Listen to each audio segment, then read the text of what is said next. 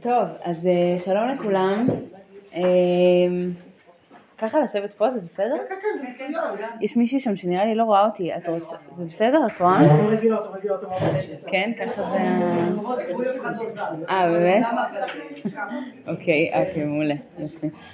אה, טוב, אז שלום לכולם, אז אה, קוראים לי נוגה חדד, אני גרה באריאל. אני אימא לארבעה בנים חמודים. אה,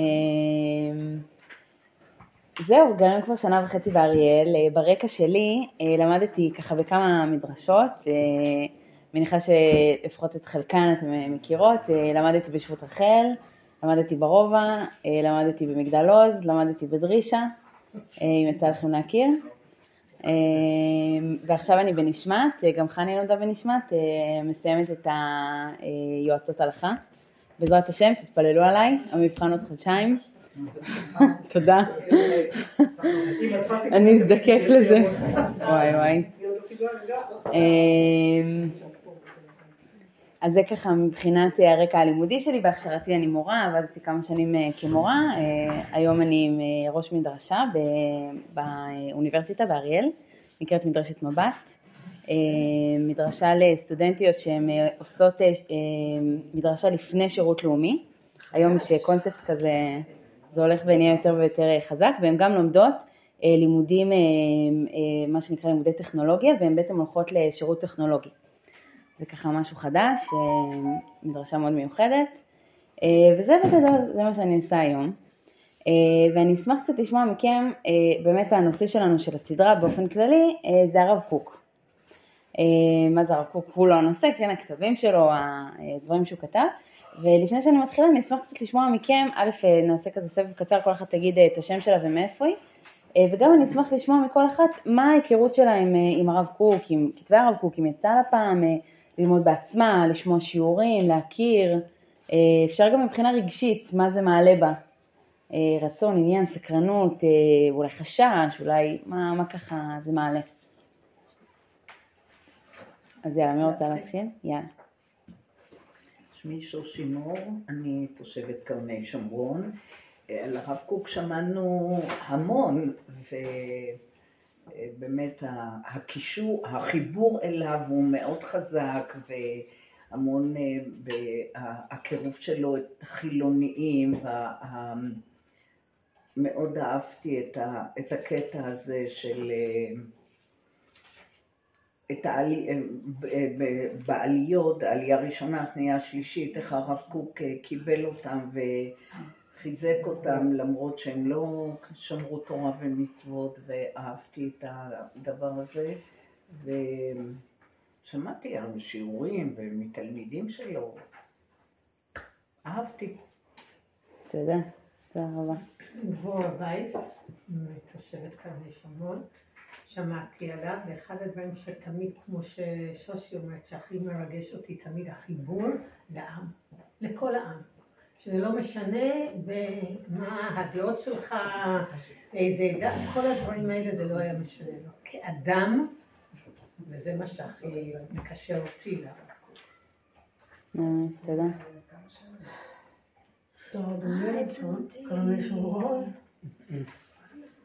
אני שומעת הרב קוק כאילו הרבה, מכל מיני כיוונים, ואני דווקא מסתכלת מההיבט ההיסטורי, הוא היה דמות מאוד מאוד משמעותית פה בארץ בתחילת המאה ה-20 ועד שהוא נפטר. אה, ובאמת מה שהיה מיוחד זה מה שאמרה דבורה, שהוא קירב אליו כל יהודי באשר הוא, במיוחד אם הוא היה חלוץ, והוא ראה. את ה... הוא ראה את המצווה הענקית שהם מקיימים, בניגוד לאיך שראו אותם הדתיים הרגילים, שזה היה בעצם היישוב הישן, הרגיל, אה, שרק ראו אנשים שלא שומרים אה, מצוות. אה.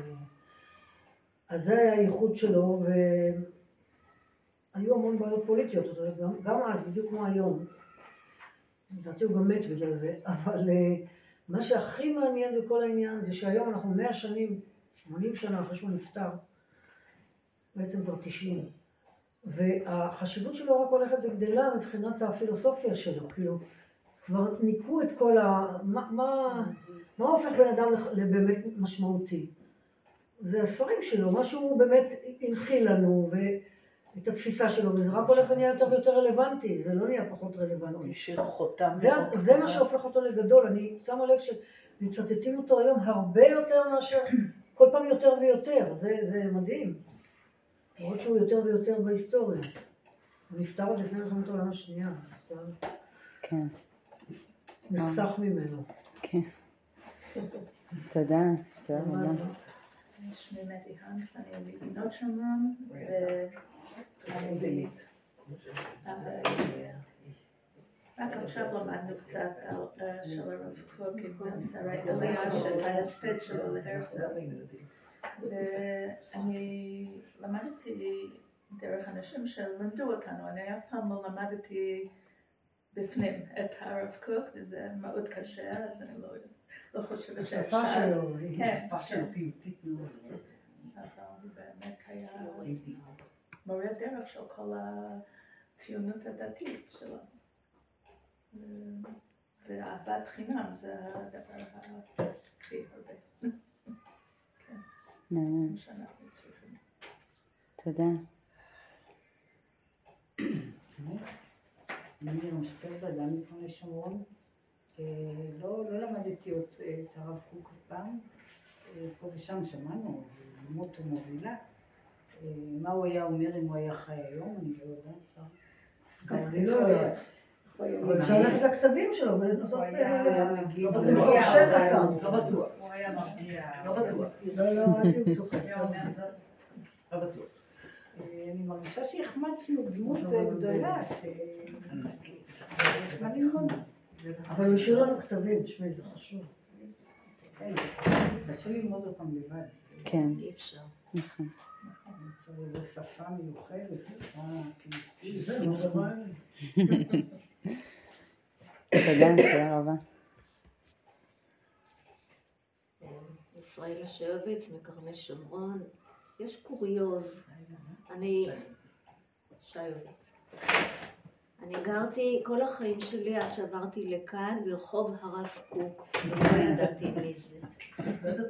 לא, לא ידעתי. אפילו לא כתבו כמה מילים למטה? שום דבר. נו, בחייך, לפני 60 שנה היה כתוב שם. רק כשהגעתי ל- ל- לכאן והתחלנו ללמוד במדרשה, רק אז הכרתי בגודל האיש הזה, אמרתי, איך לא ידעתי באיזה רחוב גרתי? וואו. זה וואו.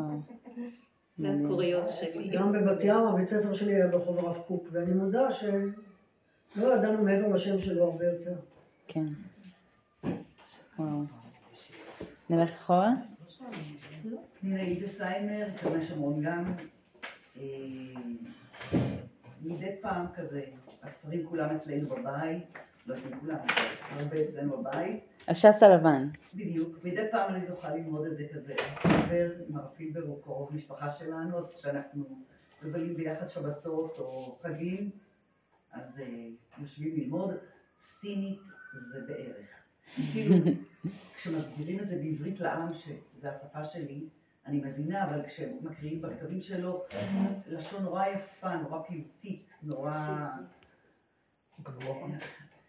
כן, כאילו, נורא רוחנית, אבל נורא מושכת אותי, אבל להבין אותה לבד. כן. לא. רק הבוקר בפסקה של אמרנו, ביקשת שאני אגיד לך תכלס, מה הוא אמר? בדיוק. מה אמרת? תגידי, מה מה שם למטה? כן. מה יש שם? וואו. תודה. לאה קפש, מקדומים, יחידה כאן דרום מהיישוב הזה. בינתיים. אה, זה גם גדולים זה מהפונקו, אל תגידי. מה זה? גם גדולים זה מקום טוב.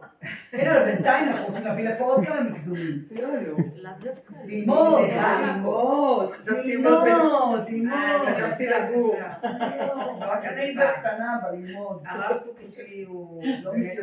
גם רק מלימודים במקומות שונים. אני ניסיתי כמה פעמים לבד ובאמת אה, התייאשתי. אה, כלומר להבין אותו, אבל הוא באמת אה, ענק. מה שמיוחד אצל הרב קוק זה שני דברים. קודם כל באמת החיבור שלו לכל עם ישראל, והוא שילם על זה מחיר גדול מאוד, כי כל החרדים ידעו אותו, בגלל הקשר הזה שהוא והדבר הנוסף זה הראייה שלו מרחוק, שהוא צפה, זה, זה נבואה, זה מעבר לפילוסופיה, זה ממש נבואה, כל מיני דברים שהוא לפני מאה שנה או יותר כתב, ו, ו, ובאמת אנחנו רואים את זה עין בעין היום. אה, וזאת הגדולה שלו בעיניי. תודה רבה. רחב חטובית קרני שומרון. אני לא לא אוסיף אני- ההיכרות שלי היא רק מסיפורים עליו, או משיעורים שמצטטים אותו, אבל הדמות שהצטרה בעיניי היא דמות של, הייתי אומרת, אידיאל לרבנות, להיום. הוא גם הקים את הרבנות הראשית, ואת אומרת זה נשאר... אה, וואו. תודה, תודה רבה. אני אספר רק אחד, אה, סבא שלי, כשהוא היה בן 18, גרו בגרמניה, בהמבורג, המפוארת, העשירה והשקטה והנינוחה, והוא בגיל 18 בא לארץ לשנה ללמוד בישיבה שלנו. והיו ישיבות מפוארות בגרמניה, זה היה... והוא היה כאן שנה, ואני זוכרת את הסיפורים של סבתא שלי, כמה ש... אה, זה- זה- זה- זה 1920 ומשהו. ויש לך אפילו תמונות, הוא יושב, אני, אני מרגישה את החיבור הזה כאילו אה, סיפור משפחתי, ואחר כך, אה, כשהיטלר עלה לשלטון, אז הם, אה, סבא שלי ואח שלו, הם באו ביחד, הם חזרו לגרמניה, למדו שם בא- באוניברסיטה, והם, אה, שלהם רצה, לא רצה לעלות לארץ, הוא אמר, יש לי לחפש בארץ, אז סבא, שלי ואח שלו אמרו בשום פנים ואופן, אנחנו, אם עוזבים את גרמניה הנפלאה, אז אנחנו לא הולכים למקום אחר באירופה, וטוב שכך, והם באו לארץ, אז אה, בשבילי הרב קוק הוא ממש דמות, אה, כמובן שלמדנו המון הרב קוק בתור נערה, המון המון מהרב קוק. אני חושבת שלא הבנו את גודל ה... ואחר כך ידענו שהרב קוק הוא בעצם מורה הדרך של כל תלמידיו, והכרנו, היינו חברים של אבא שלי, כל התלמידים של הרב קוק, ושל הרב צבי יהודה אחר כך, ועד היום בשיעורי תורה אני מביאה הרבה פעמים קטעים שלו, ובאמת נהיה איזה חשמל בכיתה, זה ממש איזה רגע כזה ש- של עוצמה, ואני מאוד אה, רוצה לראות שאנחנו לומדות דברים חדשים מאוד. משהו שהיא עוד לא למדה. הלוואי, בעזרת השם. יפה, תודה רבה. רותי בן ניסן. מה השם שלך? רוני ברורי. ברוריה? בעיקר תודה. אה, טוב, הבית שלנו זה בית באמת של... אה, כשהתחתנתי, לא בתור צעירה, לא מאוד הכרתי כל כך. אבל אה, אני רק, אה, אני לא אוסיף את כל מה שאמרו פה, ואני רק אוסיף השקפתו, השקפתנו, דרכו, דרכנו, ולאורו אנחנו הולכים. תודה רבה. הייתה כאן מישהי שנכנסה, את רוצה להגיד מה השם שלך? וביקשנו להגיד משהו על הרב קוק, ככה משהו שאת מכירה, יודעת, מרגישה. אה, טובה גרינבלד ואני מפה, ואני בת כפר אוהב. מה צריך?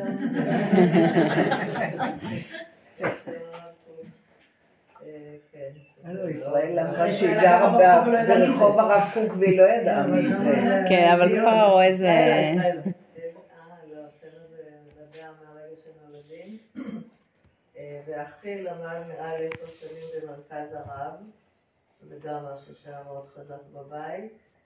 וההורים שלי עד ליום מותם תרמו למוסד הרב קוק, ככה, אה, בדבקות ודברים אחרים. וכל הספרים בבית, גם הבעל שלי למד במרכז, כל הראייה וואו, כן, חלק מהחיים. וואו, תודה רבה. אז אה, באמת, אני חושבת שהעליתם פה באמת משהו מרתק. אה, שיש באמת בדמות של הרב קוק משהו שבאמת כולנו, או לפחות רובכן המוחלט, הזכרתם שהוא ממש חלק מה-DNA שלנו, כן? גם כאנשים יחידים, גם כציבור, אה, אנחנו באמת מתייחסים אליו כמישהו שבנה הרבה מהתפיסת עולם שלנו, אולי אפשר להגיד בכלל כל ההתיישבות הזאת פה של גוש אמונים, ו, ובכלל, ברור, שזה... זה הרב צבי יהודה לגמרי, זה הרב צבי יהודה שהוא בנו, ולגמרי ממשיך המורשת שלו. גוש אמונים, הוא כן, אמר כן. את הגמרא ולהקים יישובים. לגמרי, גוש אמונים. והכל התחיל אצל הרב צבי יהודה.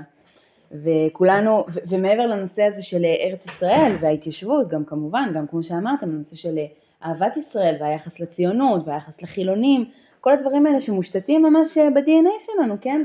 כדתיים לאומיים, כאנשים אה, חיים כאן, חיים את התפיסה הזאת של תורה ועבודה ובני עקיבא, והוא לגמרי חלק מה-DNA שלנו, וכולנו מרגישים את זה, כמו שמישהי אמרה כאן, כמו אבא רוחני.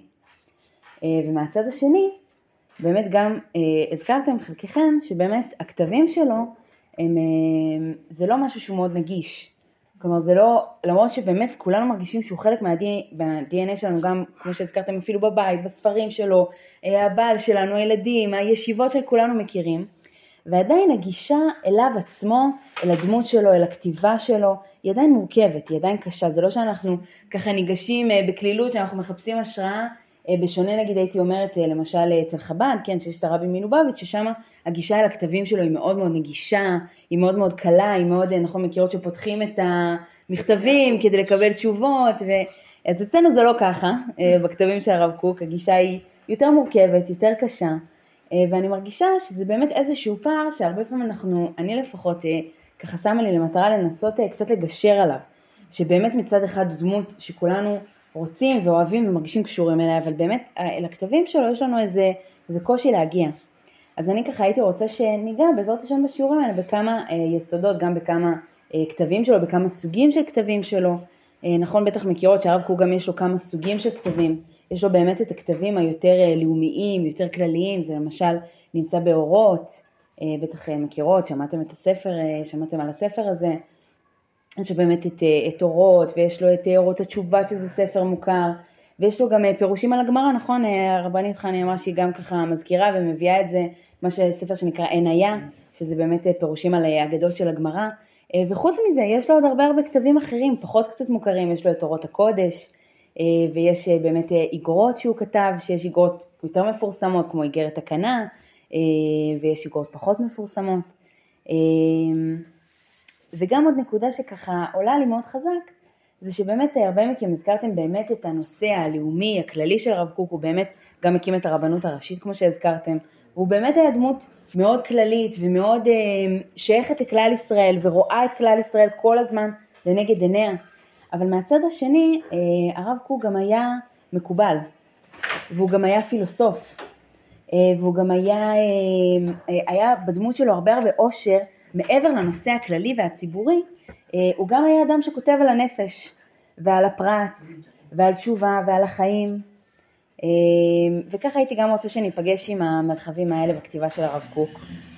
אה, ועוד נקודה שמישהי הזכירה שאני רוצה ככה גם להזכיר שמישהי הזכירה מעניין מה הוא היה אומר היום או מעניין מה הוא היה כותב היום ואני חושבת שזה אחד הדברים המופלאים ברב קוק אני כותבת היום עבודת תזה אני כותבת על הנושא של בתי מדרש של הרב קוק שהולכים לאורו של הרב קוק ומה הם אומרים על הפוסט מודרנה.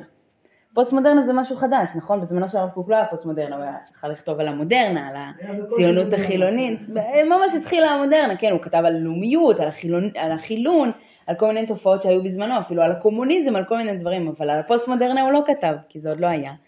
ומצד שני, הוא השאיר לנו את המורשת הזאת של להתייחס לתופעות או לתרבויות בנות זמנו. נכון? אז בעצם מי שרואים את עצמם תלמידים של הרב קוק לכאורה מחויבים להתייחס למה שקורה סביבם, נכון? אתה לא יכול רק אה, אה, להתייחס לעבר. אה, וזה מרתק לראות שבתי מדרש שכולם אומרים שהם ממשיכי דרכו של הרב קוק, כולם מתייחסים לפוסט מודרנה בצורה לא רק שונה אלא אפילו הפוכה אחד מהשני, וכולם נתלים באילן הגדול הזה שנקרא הרב קוק. כן, והחל מהרב טאו, אה, כולכם אה, מכירות שהוא באמת אחד מגדולי תלמידיו של הרב צבי יהודה, ממש ככה נחשב אה, ממשיך דרכו, ויש את הרב שגר שנחשב גם תלמיד של הרב קוק, והוא גם קורא לעצמו תלמיד של הרב קוק, שרואה את הדברים אחרת לגמרי מהרב טאו, לגמרי, אחרת לגמרי. הרב שגר זה ממש, ושניהם נתלים באותו אילן, ואפילו מתייחסים לאותם כתבים ממש. הכל עניין של פרשנות, לא יעזור כלום. נכון, אבל, אבל אני חושבת שזה עניין של פרשנות, זה עניין של אישיות, אבל בעיניי זה גם מצביע על המורכבות הגדולה של המקור. כלומר, אם המקור יכול להכיל כאלה הפכים, מה שנקרא נשיאת הפכים, זה באמת מראה שהמקור עצמו היה מלא במורכבות ומלא באושר ומלא בעומק, שבאמת שיטות שונות ודרכים שונות אחד מהשני לגבי אותו נושא, כולם יכולים להגיד, אנחנו תלמידיו של הרב קוק, כן, וזה באמת אה, דבר אה, מופלא בעיניי אה, ומדהים. אז אם שתרצה אחר כך לשמוע עוד על עבודת התזה שלי, אז זה נושא אחר. אבל... מה הנושא? הנושא זה איך בתי מדרש שממשיכים את דרכו של הרב קוק מתייחסים לפוסט מודרנה. אז אני מתייחסת, בדרכים שונות אני מתייחסת לכמה בתי מדרש, וזה מעניין באמת לראות את, ה, את הקונפליקט העמוק שיש ביניהם, וכולם אומרים אנחנו, אנחנו ממשיכי דרכו של הרב קוק, כן, ודאי שזה מה שהרב קוק היה אומר, אה, ואנחנו לא באמת, כמו שאמרתם, יודעים מה הוא היה אומר, אבל אה, זה מדהים שאפשר להתעלות באילן כל כך גדול אה, וכל כך רחב, אה, שזה באמת, אה, באמת אה, היה הרב קוק. אז היום אני רוצה שניגע בככה נושא שבעיניי הוא מאוד מאוד מאוד יסודי, אה, ואני רוצה דווקא שנתחיל לא מהרב קוק, אלא מסיפור, סיפור אה, ילדים מוכר. למי יש בבית את הספר הזה? לכולכם יש בבית את הספר הזה? בדור שלנו כבר אין כל כך, אתם יודעות? ל- ל- ל- נכון, ל- לילדים שלכם אין כבר את הספר הזה. קניתם. אבל זהו, היום זה פחות פופולרי משום מה. הם יעשו את זה, כשהם יגיעו לבני עקיבא, הם יקנו את זה. בדיוק. יפה, גם, גם אני ידעתי את הספר הזה בעל פה, זה ספר שגדלנו עליו, ספר ילדות אהוב מאוד. אה, אתם לא תכעסו עליי, אבל אם אני קצת אשבור, אה, אשבור זה נכון? אתם מרשות לי. אתם תוכלו להמשיך לקרוא אותו לנכדים, זה בסדר. אני לא הייתי בבני עקיבא, איתי, זה בסדר. אוקיי, אז בואו נקרא שנייה אחת את הסיפור, בסדר? כמובן זה לא יהיה הנושא שלנו, זה רק ככה פתיחה, אבל uh, מרגישה שזה מכניס אותנו טוב לנושא. זה קצת בדילוגים, בסדר? מי שזוכר בעל פה אל תכעסו עליי, רציתי שזה ייכנס בתוך עמוד אחד, אבל uh, זה ככה נותן לנו את uh, רוח הדברים. אז הסיפור מספר ככה, מי שרוצה לקרוא? יאללה. פעם אחת היה עץ, והוא אהב ילד קטן אחד. וכל יום הילד היה בא ואוסף את העלים של העץ, ועושה מהם כתרים, ומשחק במלך היער. הוא היה מטפס על הגזע, הוא מתנדנד לו על הענפים, ואוכל תפוחי עץ. וכשהילד היה מתעייף, הוא היה נרדם בצילו של העץ. הילד אהב את העץ מאוד מאוד, והעץ היה מאושר. אך הזמן חלף לו, והילד הלך וגדל, ולעיתים קרובות העץ נשאר לבדו. ואז הילד בא יום אחד אל העץ, והעץ אמר, בוא ילד, בוא תטפס על הגזע שלי, ותתנדנד על הענפים, ותהיה מאושר. אני יותר מדי עסוק בשביל לטפס על עצים, אמר הילד. אני רוצה בית, שיהיה לי חם, הוא אמר.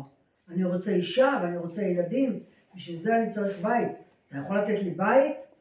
אבל אין לי בית, אמר העץ. היער הוא ביתי, אבל אתה יכול לקצץ את הענפים שלי ולבנות בית, אז תהיה מאושר.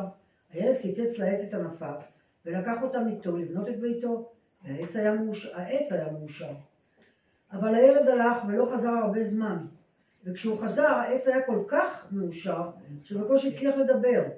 בוא ילד, הוא לחש, בוא תשחק. אני יותר מדי זקן ועצוב בשביל לשחק, אמר הילד. אני רוצה סירה, שתיקח אותי הרחק הרחק מכאן. אתה יכול לתת לי סירה? כרות את הגזע שלי ותעשה לך סירה, אמר העץ. כך תוכל להפליג למרחקים ותהיה מאושר. הילד כרת לעץ את הגזע ובנה לו סירה והפליג למרחקים, והעץ היה מאושר. אבל לא מאושר ממש, ואחרי הרבה זמן הילד חזר שוב. אני מצטער ילד, אמר העץ, אבל לא נשאר לי שום דבר לתת לך. הלוואי שיכולתי לתת לך משהו, אבל לא נשאר לי כלום. אני סתם גזע כרות זקן, אני מצטער. אני לא צריך הרבה עכשיו, אמר הילד. רק מקום שקט לשבת ולנוח. אני עייף מאוד. אם כך אמר העץ וזקף את עצמו כמה שרק הצליח, אם כך גזע כרות זקן הוא כן טוב בשביל לשבת ולנוח. בוא ילד, שב לך ותנוח. והילד ישב, והעץ היה מאושר. טוב, אז אה, קשה בלי הציורים, נכון? זה לא המקום, זה אה? לא בדור זה אנשים שלנו זה היה יכול להיות. נכון, יש פה דילוגים, על איזה קטע זה מדלג? זוכרות? על כל השלבים. על התפוחים, נכון, זה מדלג על הקטע שהילד אומר שאין לו כסף, נכון? שהוא צריך כסף ל- לפרנס את המשפחה שלו, ואז העצם אומר לו בוא תיקח את התפוחים, הוא לוקח את כל התפוחים, מוכר אותם, בעצם זה אבל. אה, בדיוק, הבאתי את זה בשביל אה, להבין את הרעיון, אה. וכמובן חסר לנו כאן את הציורים המקסימים, נכון, שכל פעם רואים את הילד ככה, הילד חוזר בתור צעיר, מבוגר, קשיש וכולי, ובסוף ככה התמונה הזאת שהילד הקשיש יושב לו על העץ הקשיש והכרות ו... ו... מאושרים ביחד. מאושרים ביחד. אה, אז זה ככה הסיפור. נכון, לא כתוב אף פעם על ילד שהוא מאושר. אז באמת, אה, כמו שהזכרתם, באופן כללי, באופן כללי, כשהוא היה קטן הוא היה מאושר. לא כתוב שלט גם מאושר. אז לא כתוב. אה, נכון. רק העץ היה מאושר. נכון. אבל אה. זה- זה בהחלט נראה, זה בהחלט נראה החלק היחיד בסיפור ש... לא. נכון, אבל זה, זה נכון שזה נראה החלק היחיד בסיפור, החלק היחיד בסיפור שהילד נראה לפחות מאושר, זה באמת בהתחלה של הסיפור שהוא ילד. נכון, וגם באמת הילדות שם והתום של הילדות. נכון. אז באמת כמו שהזכרתם, על מה הסיפור הזה בגדול מדבר? מה הנושא שלו באופן כללי? נתינה זה בני עקיבא, אבל נכון, זה נכון. ההתגלגלות של החיים, ההסתכלות המשתנה עם הגיל. אנוכיות. אנוכיות, נכון. העץ הזה מנגיד את, הסיפור מנגיד את הילד מול העץ, נכון? כל הזמן כאילו העץ שנותן והנתינה הופכת אותו למאושר, והילד שכל הזמן מה? לוקח. לוקח, נכון? כל הזמן בתנועה של כאילו אין לי, חסר לי, כל הזמן, והוא כל הזמן לא מאושר, נכון? זה שנותן מאושר. נכון. זאת הנקודה, זה שנותן נכון. מאושר. זה שנותן, לא נכון. עכשיו הספר הזה אה, ככותרת, זה לפחות מה שהסופר גם אומר, הספר הזה ככותרת זה ספר ביקורת על הקפיטליזם, נכון? שבעצם הקפיטליזם זה בעצם איזושהי תנועת חיים, שבעצם כל הזמן האדם צריך לצרוך עוד, צריך להתקדם לשלב הבא של החיים שמגדיר לו מה לעשות ושהוא צריך להיות שם, לעמוד באיזשהו סטנדרט מסוים, נכון? והילד בעצם נמצא במרוץ של החיים והעץ כאילו עומד מהצד וכאילו מתבונן על המרוץ הזה, מנסה לעזור לילד כמיטב יכולתו, אבל לא מצליח באמת עד הסוף לספק אף פעם את הצרכים של הקפיטליזם האינסופי הזה שכמו בור ששואב עד אינסוף ועד לא, אינסוף. אפשר לקרוא לזה ניצול, לזה התכוונו. ניצול, נכון, ברור, זה, זה הקפיטליזם, ובסופו של דבר בעצם הילד חוזר לאותה נקודת התחלה שבה רק הוא והעץ ושניהם ביחד מאושרים, ובעצם זה מה שהסיפור בגדול רוצה להגיד, שבעצם נקודת האושר לא נמצאת שם במרחקים, בפרנסה, באישה, בילדים, במשפחה, בסירה שזה, אלא כאן ועכשיו, כן, בדיוק כמו בתחילת הסיפור, כך בסוף הסיפור, זה אה, בגדול ספר ביקורת אה, בכלל על כל התנועה הקפיטליסטית, ומעבר לזה, הספר הזה הוא גם אה, ספר אה, דתי. מי שכתב אותו היה אה, אה, איש דת נוצרי, אה, שהוא גם אמר, אה, גם כשהוא סיפר על הספר, שהוא אה, רוצה להעביר מסר שהוא מסר אה, שהנצרות מאוד מאוד מאמינה בו, כן? שמה המסר הזה? תיתן, תהיה מאושר. לתת, לתת גם את הלחי השנייה, אנחנו מכירים את הביטוי לא, הזה, אבל הוא, הוא לא אמר לתת את הלחי השנייה, מה שבאמת הוא אמר זה באמת לתת, בדיוק, כלומר תנועת הנתינה האינסופית כתנועה שהיא תנועת הנפש היחידה שהופכת את האדם למאושר. כלומר אין משהו אחר, האדם כאן במקרה הזה זה העץ, כי האדם עץ אבל השדה, אפילו יש פה שהעץ באיזשהו שלב הוא כבר לא כזה מאושר, הוא הוא כבר. מיואש. נכון, לא, לא, למה הוא לא, מיואש? לא, למה הוא לא, הוא מיואש? לא רואה שהוא מצליח, אה, מסוגל לרצות לא ולעזור. כי הוא לא מצליח לתת, נכון? כלומר כשאדם מרגיש שאולי יש, שהוא כן מצליח, שהוא מבין שהוא יכול לעזור לו לשבת, אז הוא שוב... הוא חוזר להיות אה, מאושר, שוב בדיוק. בדיוק, שהקפיטליסט מוריד את הדרישות, כן. וכל מה שהוא רוצה זה לנוח. כן, זה, זה בעצם, אה, זה בעצם אה, מסמך שבעצם הסופר אומר שאני רציתי להגיד בעצם מה, מה הנצרות יש לה להגיד על הקפיטליזם. הקפיטליזם הוא דבר מאוד לא נוצרי, כן? כי הרי על מה הנצרות מדברת? מעבר לנתינה, מעבר ללחי השנייה. אה? אני חשבתי שזה יהודי, שקוראים לו סילברסטין. נכון, אבל הוא... הוא יהודי. הוא יהודי? זה מה שאני מגלה הרגע בוויקיפדיה. וואלה. כן, יהודי. אה, מעניין. הוא אמריקאי יהודי. אה, מעניין. מעניין, אבל הוא, הוא באמת... אה, מעניין. וואו. אז זה לא ידעתי, אבל מעניין, כי הוא דיבר, קראתי ראיון איתו.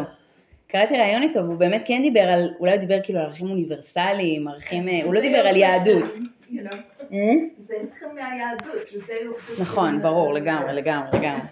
אגב, זה באמת ערכים שהם לגמרי נמצאים לגמרי בתורה, כן? כלומר, נתינה, והנתינה שהופכת את האדם למאושר. אבל אה, אם רגע נסתכל על העץ הזה לא שבאמת אמרתם, זה- גם בנתינה יש. ביהדות יש חסד. חסד. זה- הסיפור על הגבולות של הנתינה. אבל האם יש פה גבולות בנתינה? מצד העץ. אין גבולות. איך הסיפור נגמר? שאיך העץ נראה? הוא לא עץ. הוא לא עץ. הוא לא עץ, הוא גזע כרות, הוא מרוקן לגמרי. אבל הוא מאושר. הוא מאושר. העיקר שהוא מאושר, נכון. הוא מאושר כשההוא בא לשבת לידו, רק אז הוא... נכון, נכון, הוא מאושר כשיש לו מה לתת. הוא לא מאושר כשהוא אישות עצמאית, הוא לא יהודי. נכון, נכון. אז באמת, אה, אני חושבת שיש בסיפור הזה, כמו שאמרתם, משהו מאוד עמוק שנוגע במקום עמוק בנפש שלנו. ולא סתם הזכרתם ככה, שהזכרתי את הספר ככה בגעגועים ובערגה, זה לגמרי נכון, גם ילדים מתחברים אליו, כי ברור שיש משהו בנתינה הפשוטה הזאת, הטהורה, נתינה בלי אינטרסים, נכון? אין פה אינטרסים, אין לה שום אינטרס. מתוך אהבה. מתוך אהבה ממש, יש בה משהו שמזכיר לנו בעצם בעצם את הכמיהה הכי עמוקה שלנו, אם כילדים ואם כהורים, לנתינה הזאת, נכון? כי הרי בעצם זה גם ספר על באיזשהו מקום אב וילד, נכון? שההורים באמת נותנים בלי גבולות ובלי אה, חשבונות, ממש מתוך מקום נקי כזה של אהבה. אה, וגם לכל ילד יש בעצם את החלום הזה או את התשוקה הזאת להרגיש שמה? שאוהבים אותו. שאוהבים אותו בלי תנאי, ושלא משנה מה הוא יעשה ולאן הוא ילך ואיפה הוא יתגלגל בחיים, האהבה הזאת תישאר ללא תנאי. אמ, ו- ואני חושבת שיש משהו באמת חזק שנוגע במקום מאוד עמוק בנפש שלנו. אבל כן, אני באמת רוצה לקחת את הנקודה הזאת האחרונה בסיפור הזה, שאני גם בתור ילדה וגם כמבוגרת, שככה גם אה, כמדריכה בבני עקיבא הייתי מספרת הרבה את הסיפור הזה, ושוב, הוא באמת סיפור מקסים על נתינה, אבל אני לפחות תמיד הייתי גם נשארת עם איזה טעם חמוץ כזה בפה בסוף, נכון? אתם מבינות את התחושה? אני זה מחברות מתנה ללידה של הבן הגדול, והם כתבו לי בהקדשה, תזכרי להיות עץ חכם. יפה. בדיוק, כאילו יש בנו משהו שכאילו אוהב את הסיפור ורוצה להתמסר אליו, אבל עדיין כאילו מרגיש כזה רגע. אבל זה, כי- ניצלו אותו, כאילו אני לא אהיה כזה, נכון? לא מזדהה עד הסוף, בדיוק, כלומר הוא לא הצליח לייצר כאן בסיפור אף דמות שאנחנו מצליחים להזדהות איתה עד הסוף, נכון? לא העץ ולא הילד, כי הילד הוא באמת כזה אגואיסט וכזה, אנחנו קצת אולי מרחמים עליו, קצת אולי מזדהים איתו, כן, במרוץ הזה שאנחנו כל הזמן מרגישים שגם לנו אולי כל הזמן אין מספיק ומחכים כבר לדבר הבא או לשלב הבא, שבו אולי נוכל לנוח, גם בנו יש את הצד הזה. וגם כמובן את הצד של העץ, בטח כהורים, של הרצון הזה להרגיש משמעותי למישהו אחר, ולתת בלי סוף ובלי גבול. אבל אה, לא, לא הצלחנו לייצר כאן הזדהות עד הסוף עם אף אחת מהדמויות, נכון? ובאמת אני חושבת שזאת תפיסה מוסרית שהייתה מאוד מאוד רווחת אז בתקופה ההיא, זה בדיוק התקופה של הרב קוק, פחות או יותר לפני 80-90 שנה. אה, הת- התפיסה המוסרית הזאת, שמה התפיסה המוסרית הזאת בעצם אומרת? שכדי להיות מוסרי אתה צריך מה? אם לא אוהב אחד את השני הכל יהיה. לאהוב ולתת, לתת עד הסוף, נכון? כלומר לתת בלי שנשאר לך שום דבר מה? בלי שנשאר לך שום דבר משל עצמך. Hmm? מה מה? אהבה לא ניצחה גם הרוח. יפה. אבל אז באמת הייתה כזאת באמת מין אה, תפיסה, זה קשור בכלל לשורשים מאוד עמוקים שבאמת הנצרות השרישה במשך אלפי אלפי שנים באירופה, אה, שבאמת נתינה, אתם יודעות הרי שגם בתרבות הנוצרית כדי בכלל להיות קדוש, לא רק אה, נותן, אלא בכלל כדי להיות דמות קדושה, אתה צריך להיות כמה שיותר מה? פרוש. כמה שיותר פרוש, כמה שיותר נותן כמובן. וגם לחיות הכי בצניעות שאפשר. בדיוק, לחיות הכי בצניעות. בדיוק, כלומר לבטל עד כמה שאפשר, אתם יודעות שאני גיליתי לפני כמה זמן, ככה, ככה אני אה, הבנתי, שלנזירים שנמצאים במנזרים או נזירות וכל מיני כזה, אז אין להם אפילו בגדים משל עצמם. כלומר יש איזשהו באמת, אה, ממש קיבוץ כאילו עד הסוף אבל, כאילו ממש אין, למה יש כאן, אה, לא, לא נדבר סרה על קיבוצים חס ושלום, קיבוצים. את דורכת על יבלות, יש כאן בני קיבוצים שזה פליטי, יש לו רק בת קיבוץ אחת. אימא שלי גם, היא לא, זה לא קיבוץ, זה מושב, משק מסורת יצחק, אבל הם גם גדלו, חוץ מבית ילדים, בדיוק, חוץ מבית ילדים היה שם הכל. היה מושב שיתופי. הם, הכי, כי- באמת, אני לא ראיתי דבר כזה ממש. את יודעת, מושב שיתופי זה מין יצור כלאיים כזה. כן. הם עברו לשם מקיבוץ לביא, סבא וסבתא שלי, כי סבתא שלי לא יכלה לשאת את המחשבה. סבא שלי מאוד רצה להישאר בקיבוץ לביא, גם סבתא שלי יוצאת לקינדר טרנספורט, הם ככה מאוד מתאים שהם יישארו בקיבוץ לביא, וכשהיא הייתה בהיריון, היא לא יכלה לשאת את המחשבה שהיא לא תצטרך. לתת את הבת הבכורה שלה, שזאת אימא שלי, לבית ילדים, פשוט אמרה לסבא שלי, אני, היא סבתא שלי ניצולת שואה, אין לה הורים אה, וכולי, היא אמרה, אני לא יכולה לתת את הילד שייוולד לבית ילדים, אז ככה הם עברו, הם עדיין אהבו את הרעיון החלוצי הזה של הקיבוצים וכולי, אז הם עברו ל... נכון, פשוט אין, אין בית ילדים, חוץ מזה היה הכל, ממש. כל אותו דבר לגמרי.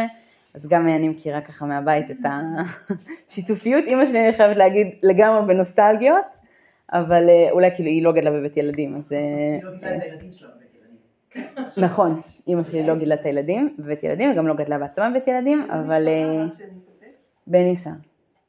אה, מכירים?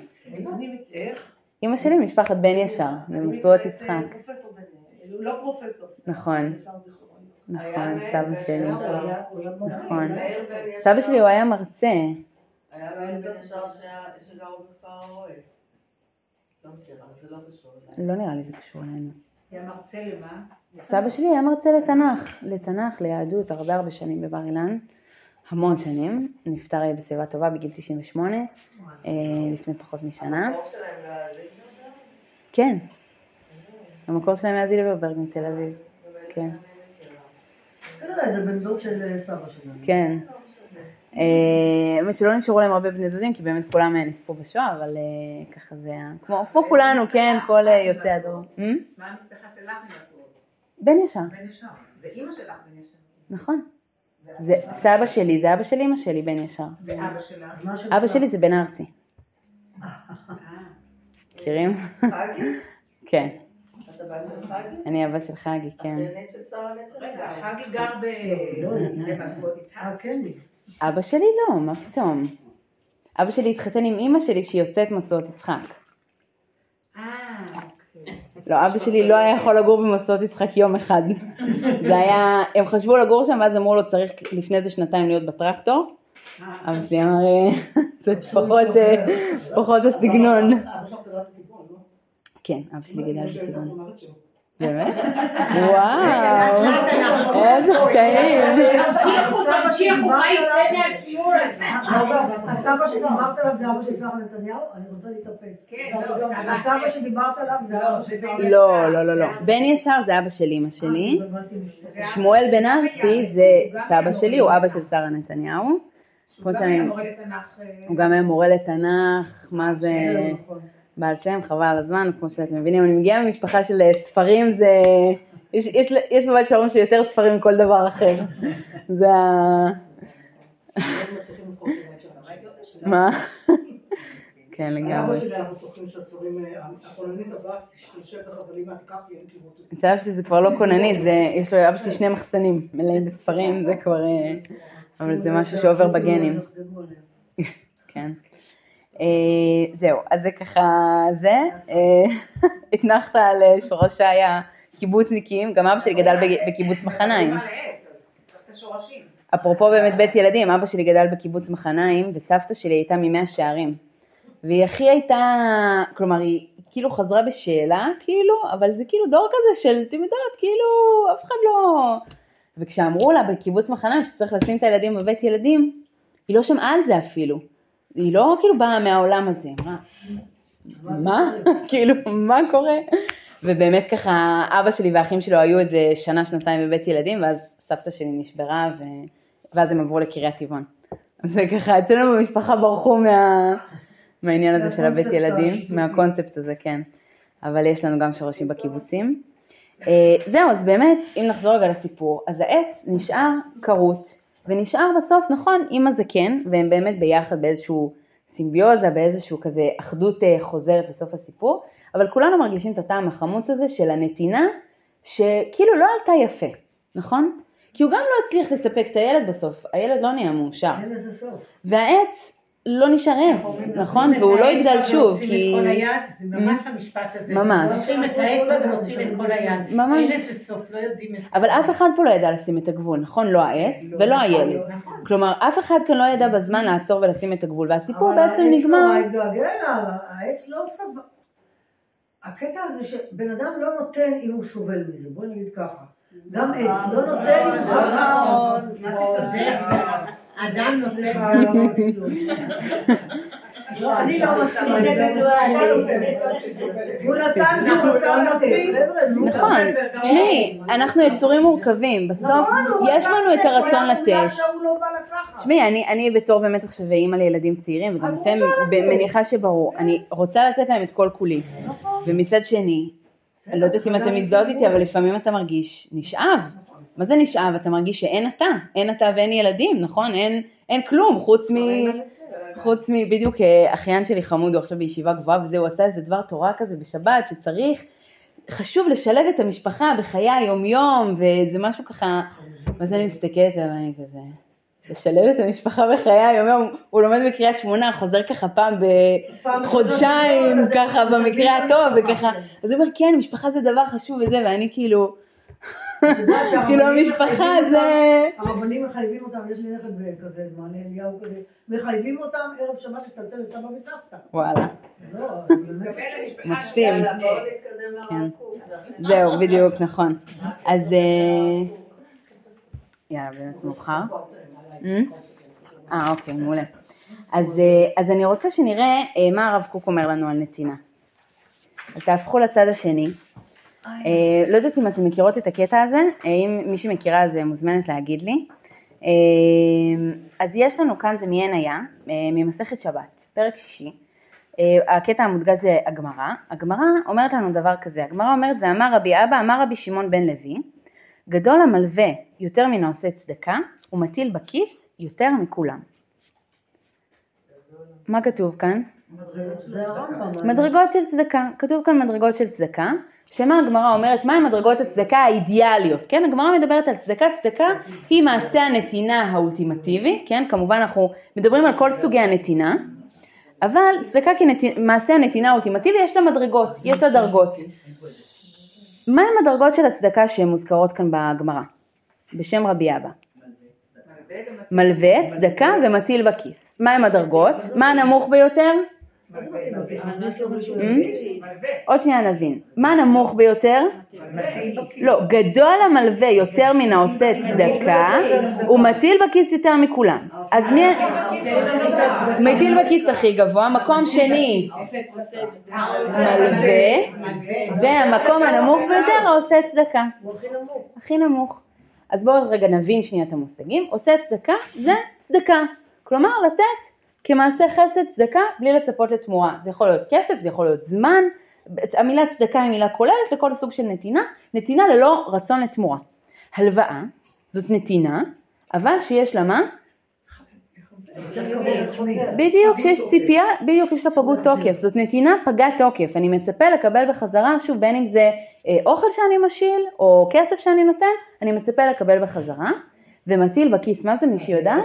זה ביטוי שמוזכר כמה פעמים בגמרא, יודעת.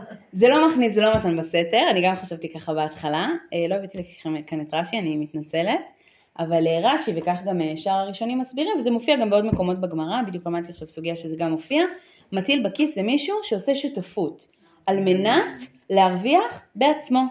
כלומר, להטיל בכיס זה בעצם שאני נותן למישהו על מנת שהוא יחזיר לי בחזרה את כל מה שנתתי לו בדמות של שותפות, בדמות של תמורה שאני מרוויח ממנה גם. בסדר? זאת, אה, זה מטיל בכיס. שנייה לפני שאנחנו רואות את הרב קוק, מה אתם חושבות על הגמרא הזאת? מסתדר לכם? פעמונים היום. Hmm? זה סוג של פעמונים היום. זה המוטו של סוג של פעמונים, שמה? של לתת חכה ולא לתת... אה, להשאיר את האחריות על המקבל. נכון, נכון. את לא שותפה. את לא... בפעמונים אבל הם לא מרוויחים, אבל פעמונים זה ארגון צדקה. פעמונים את לא יותר... כאן אנחנו מדברים על מטיל בכיס, שזה לצפות להרוויח. זה כמו בבנק וזה- שאתה לוקח הלוואה ואתה מחזיר הרבה יותר, וזה את אה, מתכוונת? אה, כן, זה לא ריבית, אסור לקחת לא ריבית. ריבית, אבל זה משהו ב- בסגנון שאתה נכון, זה בעצם שותפות. אתה עוזר למישהו אחר להרוויח, תוך כדי שאתה מרוויח בעצמך. בדיוק. מה שנקרא, כן. בדיוק, זה נהנה, זה- זה לא רק זה נהנה וזה לא חסר, זה הלוואה, זה נהנה וזה נהנה. זה נהנה וזה נהנה, כלומר אני לוקח, עושה סיטואציה של נתינה, שבה שנינו נהנים מהסיטואציה של הנתינה, ושוב זה לא, לאו דווקא בכסף, בכל ווין ווין בדיוק, מה שנקרא win win situation. אז זה בעצם הרמה הגבוהה ביותר של ה... של ה... זה שאתה בעצם נותן הרגשה טובה לזקוק, שהוא לא עדיין... רק הרגשה, זה- לא זה- זקוק, זה- זה אפילו אפילו לא לא זקוק, זה זה אתה נכון. עוזר לו להרוויח, בדרך כלל מי שזה נכון. הוא זה האיזון הוא אדם שיש לו, אבל אתה עוזר לו להרוויח. אז למה ההלוואה, אז, אז את המטיל בכיס אנחנו מבינים, נכון? אתם אומרות בעצם, אני לוקח מישהו, ברגע שאני עושה איתו שותפות איתי, אני בעצם מעלה אותו על דרך המלך, נכון? כלומר, אני בעצם עוזר לו לחזור למסלול, לחזור לחיים אולי נורמטיביים, אבל גם אתה צריך אותו, כי הוא שותף. וגם אני צריך אותו, בדיוק, אז, אז, אז יש כאן איזון, יש כאן נתינה מאוזנת, נכון? אתה לוקח את הסיכון שזה גם לא. אתה לוקח את הסיכון, חד משמעית, נכון, אתה בכוונה כן נותן למישהו, כלומר היית גם יכול לעשות שותפות עם מישהו אחר, אתה כן עושה שותפות עם מישהו שגם זקוק לך, אבל עדיין אתה מרוויח. אבל למה הלוואה זה יותר גדול מלעשות צדקה? בגלל שהבן אדם צריך להרגיש. אתה מחנך אותו גם ל... אתה שומר על הכבוד שלו. הוא. תמיד מסכן, הוא תמיד חושב שהוא יקבל, וזהו, הוא נשאר תמיד מסכן. בהלוואה יש לו אחריות להחזיר, הוא יודע שהוא צריך לקום מזה, אתה עוזר לו גם לקום. מהמם, זה משהו רגעי. מהמם. ואתה שומר על הכבוד שלו. אתה שומר על הכבוד של האדם, לגמרי, הוא קיבל חסד, הוא יחזיר את זה. לגמרי. לגמרי. אז, אז אתם, כל, כל מה שהעליתם עד עכשיו, אה, זה לגמרי, מסכימה ממש ממש עם כל מה שעלה כאן, אבל כל מה שדיברתם עד עכשיו, זה איך הנתינה הזאת, בצורה הזאת, היא מיטיבה יותר עם מקבל החסד, נכון? כלומר, צדקה זה בעצם לתת לו אמנם, כן נתתי כל הכבוד לי, אבל בעצם שימרתי את המצב כמו שהוא. מחר הוא יצטרך לבוא לבקש שוב ממני או ממישהו אחר, נכון? כלומר בעצם לא השתנה שום דבר מהותי במציאות. לא תמיד. הלוואה, אני לא חושבת שזה תמיד, מי שנותן צדקה הוא לא שינה. את צודקת. אני מסכימה איתך, אבל אני אוספת את מה שאני חושבת שעלה כאן, כן?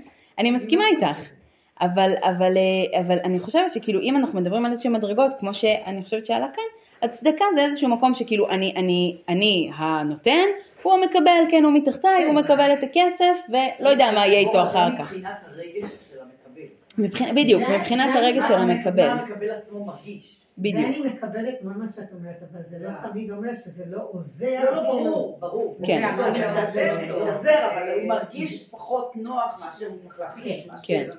הלוואה זה באמת משהו שאתם אומרות, זה משהו ששומר על הכבוד של האדם, זה משהו שבעצם אני מצפה ממנו להחזיר, זה בעצם מביע אמון, זה מביע את האמון שלי ביכולת שלו להחזיר לי בסופו של דבר, אולי זה גם גורם לו להתאמץ יותר, כי הוא מבין שהוא צריך בסופו של דבר להחזיר, יש לו אחריות, ומטיל בכיס זה בעצם משהו שאני ממש הופך אותו לשותף, לחלק מה...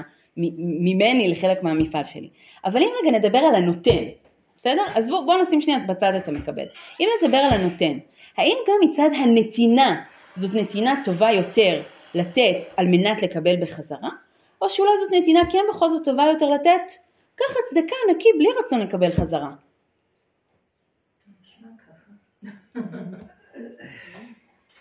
אני אומרת את זה שמבחינה חינוכית אני יודעת בתוך עצמי שצריך לבקש שיחזיר. אבל מבחינת הבן אדם, לפעמים אני חושבת על עצמי, לא, לא צריך, אל תחזיר. כן. מבחינת הבן אדם, יש פה ניגוד כאילו יש. ניגוד, כי מצד אחד אני יודעת שזה הרבה דברים גם בחינוך. שאתה נות- אתה מחנך, אפילו שלפעמים נורא קשה לך, אבל אתה יודע שאתה עושה לו טובה. מעניין. אתה יודע שאתה עושה לו טובה. נכון. ואז אתה עושה את זה, ולפעמים אתה אחר כך נורא נורא נורא קשה. אני יכולה, כאילו, עולה לי סיטואציות עם הילדים.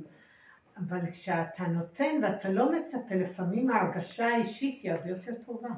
כשאתה נותן ולא מצפה לקבל, כמו יש בכל בזה משהו נקי. זה- גם מתן בסתר, האדם עצמו שנתן, גם אם השני לא, לא הוא לא מי יקבל את זה. בכסף, הוא קיבל את זה בתחושות, בהרגשה, בסיפוק. אין דבר כזה שאדם נותן והוא לא מקבל. אבל השאלה מה הוא מקבל. נכון. אז אה, הדרגה הכי גבוהה זה בעצם מתן בסתר. שאדם נותן, אה, באמת שלא, שלא על מנת לקבל חזרה, אבל הוא מקבל, הוא מקבל כן. המון. אני, אני מסכימה איתך שאדם מקבל המון חד משמעית, אבל אני רוצה רגע שנהיה רגע עם הגמרא כאן, שלא מזכירה את הנושא של נתינה בסתר כרגע, צדקה זה יכול להיות סוג של נתינה בסתר, אבל כן הגמרא אומרת כאן בצורה מאוד מפורשת, וצריך, וגם הרב קוק עוד שניה נראה שהוא מדבר על זה, שזה זה מצד, אולי לעבוד אה, בחברה מתוקנת, אולי זה משהו שבונה משהו. אבל האדם הפרטי, הנתינה היא תמיד, היא תמיד מביאה אותך, היא תמיד, היא תמיד עושה אותך לדעתי יותר טוב. חד ו- משמעית. ומביאה אותך למקום אחר לגמרי. גם אם לא היית שותף. אם, אם היית שותף זה, זה, זה, זה דבר טוב, זה דבר מקסים, זה נהדר. אולי תהיה לך יותר רצון לעשות עם זה משהו. אבל אה, אני חושבת שכל נתינה נותנת אה, משהו. לגמרי, אני לגמרי מסכימה איתך, ונחזור נחזור בסוף למה שאת אומרת, אבל, אבל אני רוצה רגע שנהיה, בואו שנייה כן ניתן מקום לשאלה, בסדר? כי בעיניי לפחות הגמרא הזאת מעלה שאלה, כי אני מסכימה עם מה שעלה כאן, שלפחות מצד הנותן יש משהו נקי יותר בלתת, בלי לצפות לקבל שום תמורה. לתת ככה בצורה נקייה צדקה, הלוואה זה ציפייה לקבל בחזרה את מה שנתתי, ומטיל בכיס זו ציפייה ברורה לא רק לקבל בחזרה. אלא גם להרוויח מזה בסופו של דבר. וזה בעיניי כן מפתיע שהגמרא לא רק מצד המקבל, אלא גם מצד הנותן, מציירת לנו כאן איזושהי מדרגה של נתינה, שאני חושבת שבצורה הפשוטה שאנחנו חושבים, היא הפוכה. כן, אבל כן, בלי לרצות שנקבל את זה בחזרה, הוא מרגיש כאילו שהוא אדון לעני, שהוא כאילו, הוא מרגיש שהוא מעל, שהוא מעל, ואולי זאת הבעיה. מהמם, מהמם. ההתנסות הזאת שמתלווה לנתינה. זה, אני חושבת שזה מקשר אותנו למה שהרמב"ם אומר, שהרמב"ם אומר שעדיף אם אתה נותן במה שנקרא, אה, לא זוכרת את המילים המדויקות של הרמב"ם, אבל שאם אתה נותן בהזעפת פנים, עדיף לא לתת. כלומר, כאילו להגיד, הנה כך, אני עושה לך טובה, נכון? מכירות את התחושה הזאת שכזה מישהו נותן לך בהזעפת פנים, ומה אתה אומר? לא צריך. לא צריך טובות, בלי טובות, בלי טובות, תודה רבה, בלי טובות, נכון? כי אין משהו יותר מגעיל, הייתי אפילו אומרת, מאשר לקבל, ממישהו שאתה מרגיש שהוא כאילו מתנשא עליך, נכון? זה... אין ברכה בנתינה כזאת, לגמרי. אבל בואו ניכנס רגע לרב קוק ותראו. ואי אפשר להתעלם מהמקבל. גם כשאת שואלת את השאלה מה קורה עם הנותן, רק תבודדו אותו, אי אפשר, להתעלם מהנותן. כי כשאדם נותן בשותפות, כן, אז, אז זה תמיד החצי, מה שהוא מרגיש אותו אדם, שבעצם החצי השני קיבל משהו, ברגע שהוא הפך להיות שותף. אז, אז אי אפשר להתעלם מאותו אחד, מה שזה עושה לאותו ברור, נותן. ברור, אז כנראה שזה לגמרי. החלק, כנראה שזה רמה מאוד מאוד גבוהה, כשאדם יודע שכשהוא נתן והוא שותף, השני אה, מרגיש בצורה, זאת אומרת, הוא לא יכול להתעלם מהתחושות האלה, שהשני נכון. בעצם מרגיש שהוא לא קיבל צדקה, אלא קיבל משהו של שותפות ביחד עם השני. לגמרי. אה, ברור שלשני הצדדים זה יוצר תחושה אחרת הרבה לגמרי. יותר משניים. נכון. אבל אני רוצה שנסתכל כאן, הרב קוק אה, בעיניי אה, אומר כאן איזשהו עיקרון שאני גם אפתח אותו קצת אחר כך, שבעיניי הוא ממש ממש מהותי ומרכזי בעבודת השם בכלל. ותראו מה הרב קוק כותב כאן. הוא כותב, נקרא את זה ביחד, בסדר? וככה ננסה אה, להבין מתוך המילים שלו. הוא כותב ככה, יש בנטיות המוסר מין הרגשה של טינה בלב, כאין מכאוב, נגד הנטייה הרשעה של יצר לב האדם הרע הגנוז בחובו. ומטעם זה הורגל תמיד רעיון המוסר להיות מצויר יחד עם רעיון המכאוב והפך ההנאה, עד שלעולם יחוברו יחד אלה הציורים. חיבור זה מזיק מאוד להרחבת הטוב, כי הנתינה, הנטייה להיות שמח וטוב לב מוכן לקבל הנאה וקורת רוח היא מוטבעת באדם, ועל כן הוא בורח מכל מה שיסבב לו עצב והכשר לצער. מה אומר פה הרב קוק? שמוסר זה דבר עצוב. ובאופן טבעי בן אדם בורח ממנו. בדיוק. אז צריך אה, לגרום לו לעשות את זה, זה לא בא לו באופן טבעי. בדיוק, מהמם. כלומר, יש לנו, והרב קוק מתייחס כאן למשהו שקיים בכולנו, יש לנו נטייה, הוא קורא לזה אה, נטייה רשעה של יצר לב האדם הרע הגנוז בחובו, בואו נקרא לזה במילה שהיום הכי פשוטה שקוראים לזה אגואיסטיות, נכון? וכולנו יש צד אגואיסטי, כולנו בסוף רוצים להרגיש שאנחנו אה, אה, בטוב, שאנחנו אה, רוצים להרגיש שאנחנו, אה, שכיף לנו. שטוב לנו, שכיף לנו, נכון? ולתת למישהו אחר, זה בעצם מה? ההפך. זה ההפך, נכון? זו תנועה שהיא הפוכה מהמקום האגואיסטי שלנו. איך הוא קורא לזה כאן? יש בנטיות המוסר מין הרגשה של טינה בלב. מה זה טינה? כעס.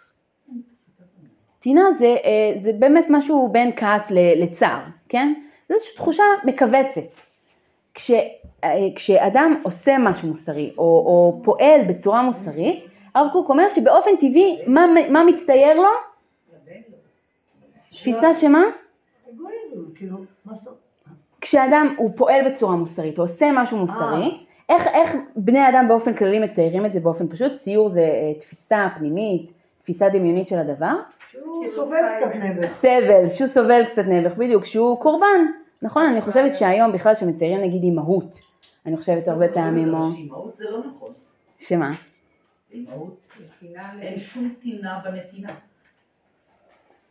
יש כאלה שיש, אבל הרוב הגדול הטבעי זה זה דווקא לא אני, אה, טינה אושר. בנתינה. זה דווקא אושר. אימא. אצל אימא זה לא קיים. אצל לא, לא. אין דבר, אני חושבת שאתם תמימים, אני מאוד מסתכלת עליי. אני חושבת שלא, לא, כאילו לא. חס וחלילה. שאנחנו נגיד משהו לאימהות לא, לא, לא, שלנו. אני, אני, אני אגיד, משפט אחד על זה, אבל שאני... אה, לא לטאטא מתחת שיש לנו רגעים בחיים שבאמת קורה דברים.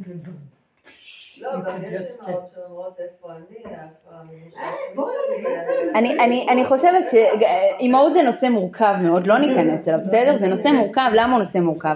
כי נתינה לילדים שלנו היא כן דבר אגואיסטי, בסדר? נת, נתינה לילדים שלנו, קודם כל בואו נהיה כאילו הכי כנים, זה דבר הישרדותי. אנחנו מתוכנתים בטבע שלנו לתת לילדים שלנו, כי זה חלק מההישרדות של המין האנושי ושל המינים בכלל.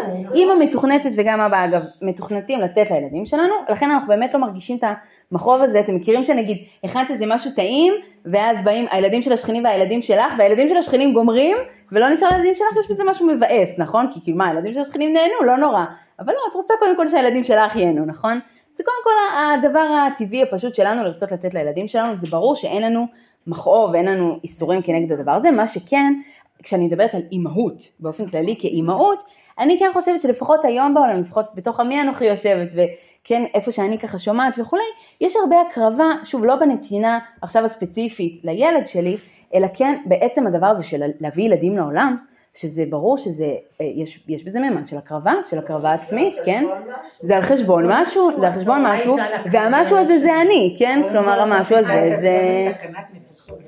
את מכניסה את עצמך לסכנת נפשות חד משמעית, ומעבר לזה... זה אדם שרוצה ללמוד והוא לא יכול פתאום, אדם שצריך את הכסף ופתאום זה הולך על זה, אלף ואחד דברים, ואני אומרת, זו האמת על השולחן. לא נכון, עכשיו זה לא אומר שאנחנו לא עושים את זה, אבל... זה עניין של ערכים, מה נראה לך יותר חשוב, נכון? לא אמרתי שלא. לא, גם מלכתחילה מבחינת ההרגשה שלך. נכון. אבל יש זה, זה, לא, כאילו הנושא של אימהות הוא באמת נושא מורכב, ונתינה של אימהות היא נושא מורכב, אבל אם נדבר רגע, נשים רגע בצד את הנושא של אימהות, ונתינה בכלל באופן כללי, נתינה או כל עשייה שהיא למען האחר, אני חושבת שברור, לפחות אולי היום זה פחות ככה, אבל ודאי בעבר זה היה ככה, שיש איזושהי תפיסה פנימית, כן, שהרב קוק אומר ציור, הכוונה לתפיסה פנימית, שזה תמיד בא עם איזשהו קורבן, כן, בדיוק כמו העץ הנדיב הזה, זה תמיד חייב לבוא כשאני בעצם מוריד מעצמי משהו, מפחית מעצמי משהו. היום יש ביטוי כזה מאוד נפוץ שהוא נקרא לצאת מעצמי, נכון? תצא מעצמך קצת, תראה את האחר, נכון? מה זה תצא מעצמך? אתה כלוא בתוך עצמך, נמצא בתוך עצמך, וכדי לתת או כדי להיות מוסרי, כדי להיות טוב, שוב זה לא רק נתינה, זה מוסר בכלל, מוסריות בכלל, מה אתה צריך לעשות? לצאת, לצאת מעצמך. כלומר בעצם להפחית מעצמך קצת, ל- להיות קצת פחות עצמך וקצת יותר לצאת החוצה ולראות את האחר. והרב קוק אומר, בדיוק, פחות אגואיסט. והרב קוק אומר תמיד זה מתלווה בציור הפנימי שלנו, בתפיסה הפנימית שלנו, עם איזשהו, בדיוק, כאיזשהו ציור שבא ביחד עם עונש. האדם המוסרי הוא תמיד יהיה האדם הסובל, האדם הקורבני קצת אולי, האדם הזה, כולם אומרים לו כל הכבוד והוא מוסרי והוא עושה דברים מאוד אציליים, אבל גם יש בו איזה ממד, הרי אם נחזור רגע לישו, כן, אז ישו היה כאילו שיא הנתינה והוא שיא האיסורים גם, כן, כאילו מיוסר, סובל ו... וזאת באמת איזושהי דמות שהולכת עם האנושות לאורך ההיסטוריה של האדם הנותן, האדם הקדוש, המעונה. נכון? איך קוראים לזה? היום יש איזה שם כזה שזה, קוראים לזה צולר. צולר. נכון? צולר. זה, יש לי הרבה תלמידות ככה, שהן תמיד, צולר זה, זה צדיק ורע לו, תלמידות שלי כשהן ככה יוצאות לשידוכים וזה, הן אומרות לי, רק שלא יהיה צולר, שלא יהיה צולר, כן? שיהיה, הן קוראות לזה שיהיה חי. כן? שלא יהיה צולר. מה זה צולר? זה הנעבך בדיוק עכשיו. צולר? צולר זה ראשי תיבות של צדיק ורע לו. צולר. אז אצלנו זה חבל על הזמן, זה ככה, אחת המילים הנפוצות, צולר, שלא יהיה צולר. וזה באמת איזשהו ביטוי, באמת אבל לתפיסה שהיא קיימת, שכשאתה צדיק, כשאתה מוסרי, כשאתה לומד תורה, אז אתה נהיה נעבך כזה כפוף יותר, מסכן יותר, והאדם דווקא בעל הכוחות, בעל העיזוז, בעל הגבורה, הוא יהיה דווקא כנראה האדם הפחות מוסרי, נכון? זו איזושהי תפיסה שככה, שככה רצה. והרב קוק מוסיף, הוא מוסיף כאן איזושהי תפיסה, חם לכם? או שרק לי חם? בסדר לכם? ואני מדברת, אז...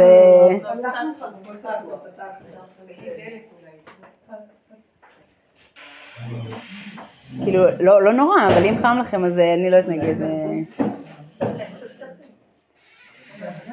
אז הרב קוק מוסיף כאן משפט שהוא אומר, חיבור זה מה הוא עושה להרחבת הטוב? קראנו את זה? מזיק. מזיק להרחבת הטוב. למה זה מזיק להרחבת הטוב? כי הנטייה להיות שמח מוטבעת באדם. כלומר? למה החיבור של התפיסה המוסרית הצולרית, הנבחית המסכנה הזאת מזיק להרחבת הטוב? כי מה? אחד לא רוצה להיות מסכן, אז הוא יעשה פחות טוב. בדיוק. כלומר, ברגע שיש לי תפיסה פנימית שאומרת שכדי להיות מוסרי, אני צריך להיות איזשהו קורבן, קורבן של המציאות, קורבן של אחרים, להיות פחות אני עצמי, בהכרח אני אעשה פחות טוב, או שיהיה בכללי פחות טוב בעולם. כי האדם יש לו נטייה טבעית לרצות את מה שטוב לו, את מה שנעים לו, את מה שמשמח אותו. זאת נטייה שהרב קוק לא יוצא נגדה כרגע. הוא אומר זאת נטייה מוטבעת, זאת נטייה נבראת, וכשאנחנו מתחברים ביחד הציורים האלה של הטוב, ביחד עם הקורבנות או המסכנות או הקושי, זה מזיק מאוד להרחבת הטוב. אז מה עושים כדי שהטוב כן יהיה רחב, כלומר ש, ש, שלא תהיה בעיה של הרחבת הטוב? אז בואו נראה איך הרב קוק ממשיך, אני עוברת לפסקה השנייה. אז הרב קוק אומר ככה, ההדרכה להקביל את המוסר לרגשות האדם צריכה להיות בהוראה, הוראה, כלומר זה צריכה להיות ההוראה הציבורית, שאין ההיזק לעצמו אחד מהתנאים שעצם המוסר בנוי עליו. ועוד הפך מזה, שכל מה שיהיה המוסר הולך ונעשה על פי אופנים כאלה שאין בו הפסד, הוא יותר נכבד בפעולתו. ואם יעשה המוסר באופן שעוד יהיה גם לפועלו רווח, ישובח עוד ביותר, כי בזה יהיה הטוב שלם, מפני שאין דבר שיפגום הנעת המקבל את החסד, מאותו הרעיון המנקר במוח שהמיטיב הוא סובל צער ומאסר חומרי או רוחני. אז מה הרב קוק אומר כאן? מובן, נכון? לא, את כל ולכן המשתמשים. צדקה כאילו זה בדרגה נמוכה יותר, כי יש בזה איזשהו צער וזה הופך אותך ל... בדיוק. הוא עוד אומר יותר בדיוק. מזה, המקבל בדיוק. ייהנה פחות אם אתה תסבול. בדיוק, בדיוק. כלומר. בדיוק, הרב קוק אומר משני הצדדים של המוסר, הן מצד המקבל והן מצד הנותן, ההדרכה צריכה להיות שההיזק, כלומר מה שאמרנו, הקורבנות הזאת, הקושי, הסבל, הוא לא אחד מהתנאים שהמוסר בנוי עליו. כלומר, מוסר ממש לא חייב לבוא ביחד עם קושי, ביחד עם צער, ביחד עם איסורים כלשהם, לא נפשיים ולא מעשיים. אלא, המוסר האמיתי צריך להיות מוסר כזה, שמשני הצדדים מרגישים שהרווחנו. גם המקבל וגם הנותן. כי הנותן הוא אומר, אז זה שנותן, ככה הוא מרגיש שהמוסר הוא לא דבר שכרוך בצער, הוא- לא כרוך בסבל. ומה הוא ירצה לעשות? להמשיך עם זה. כי זה לא כרוך בהקטנת עצמי, זה לא כרוך ברמיסה של חלקים בי, זה לא כרוך, כמו שהרב קוק קורא לזה, במאסר כלשהו חומרי או רוחני. והמקבל, הוא אומר, אין דבר מבאס יותר, כן, במילים שלנו, מלהרגיש שמי שנותן לי הוא מה? הוא מפסיד או סובל. אין דבר יותר מבאס מזה, זה מחשבה כזאת שמנקרת במוח שאני מרגיש יואו איזה לא נעים, בגללי הוא זה וזה וזה וזה, נכון? לא נעים. אבל אם אני מרגיש, קשה לקבל את זה, אבל אם אני מרגיש, אה קשה לקבל את זה? למה? אני. לא, אבל אתה... אה, אני לא יכולה להגיד, זה מוסרי להשקיע במניות.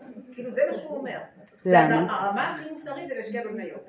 כאילו, למה? למה להשקיע במניות? אבל זה לא צדקה. הוא מדבר על. מוסר, הוא מדבר על נתינה. כן, אבל זה מוסרי להשקיע במניות או להשקיע ב... לא, זה לא מוסר. להשקיע במניות זה סתם להרוויח. להשקיע, אוקיי, ההשקעה שהוא מדבר עליה כאן. הוא מדבר לא- כאן על מוסריות. כן, אז הוא אומר שאם אתה שם בכיס המשותף זה הכי מוסרי, נכון? נכון. לעני. אם אתה יודע שהוא עני. אתה יודע שזו נתינה.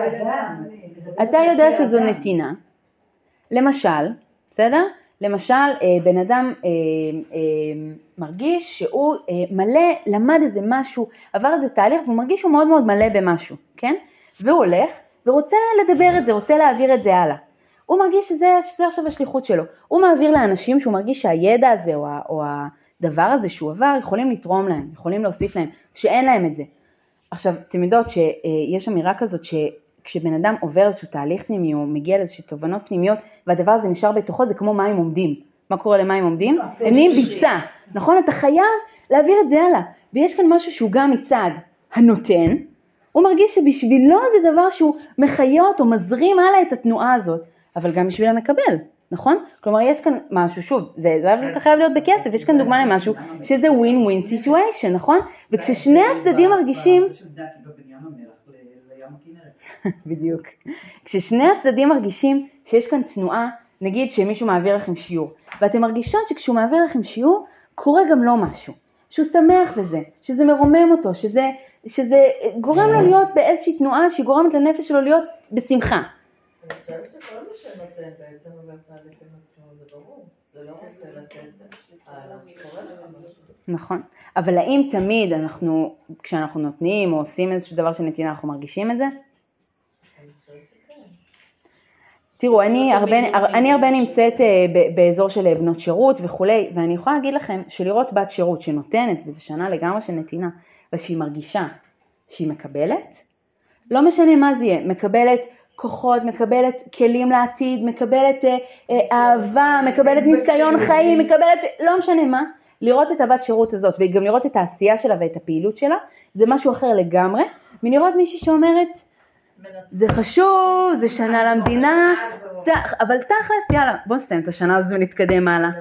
זה משהו אחר, ואתה רואה את הבנות שאחר כך נשארות קשורות למקום שירות, וממשיכות זה, וממשיכות לבוא לשבתות וממשיכות זה, ואת הבנות שסיימו, וזהו. אז נכון, הם עשו את השנה למדינה, לא מזלזלת בזה, ממש לא, זה חשוב. אבל אתה רואה את המים הזורמים לעומת המים העומדים.